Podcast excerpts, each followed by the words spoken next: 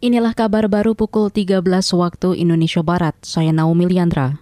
Pemerintah mewajibkan surat karantina tanda bebas penyakit mulut dan kuku PMK untuk seluruh impor hewan ternak. Syarat itu harus dilengkapi rekomendasi Ditjen Peternakan dan Kesehatan Hewan PKH. Itu disampaikan Kepala Pusat Kepatuhan Kerjasama dan Informasi Perkarantinaan di Kementerian Pertanian Junaidi. Dia mengklaim seluruh kantor unit telah melaksanakan prosedur pencegahan masuknya virus PMK.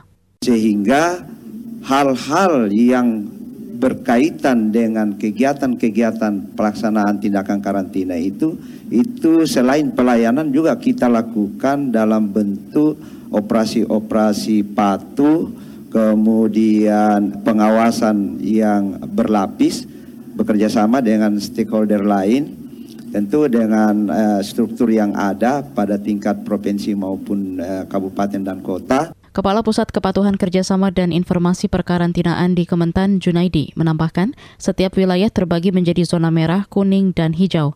Setiap status mempunyai standar operasional penanganannya masing-masing. Bagi status zona merah, pemerintah memperlakukan potong bersyarat.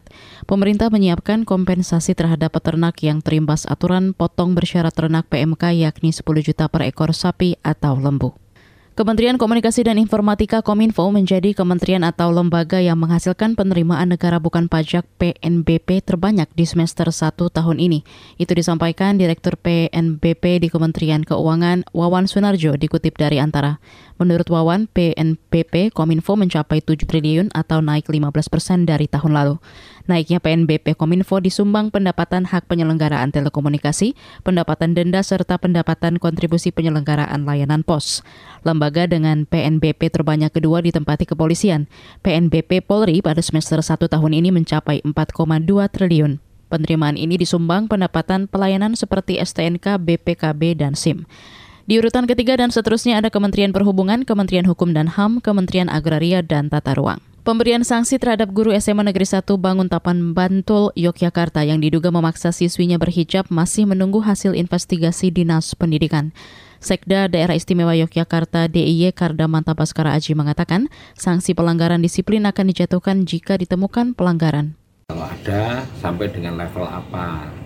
Karena nanti sanksi itu bisa diberikan sesuai dengan jenjang kesalahannya. Ada yang sanksi bisa diberikan oleh dinas Pora, ada sanksi yang harus diberikan oleh belur kan gitu.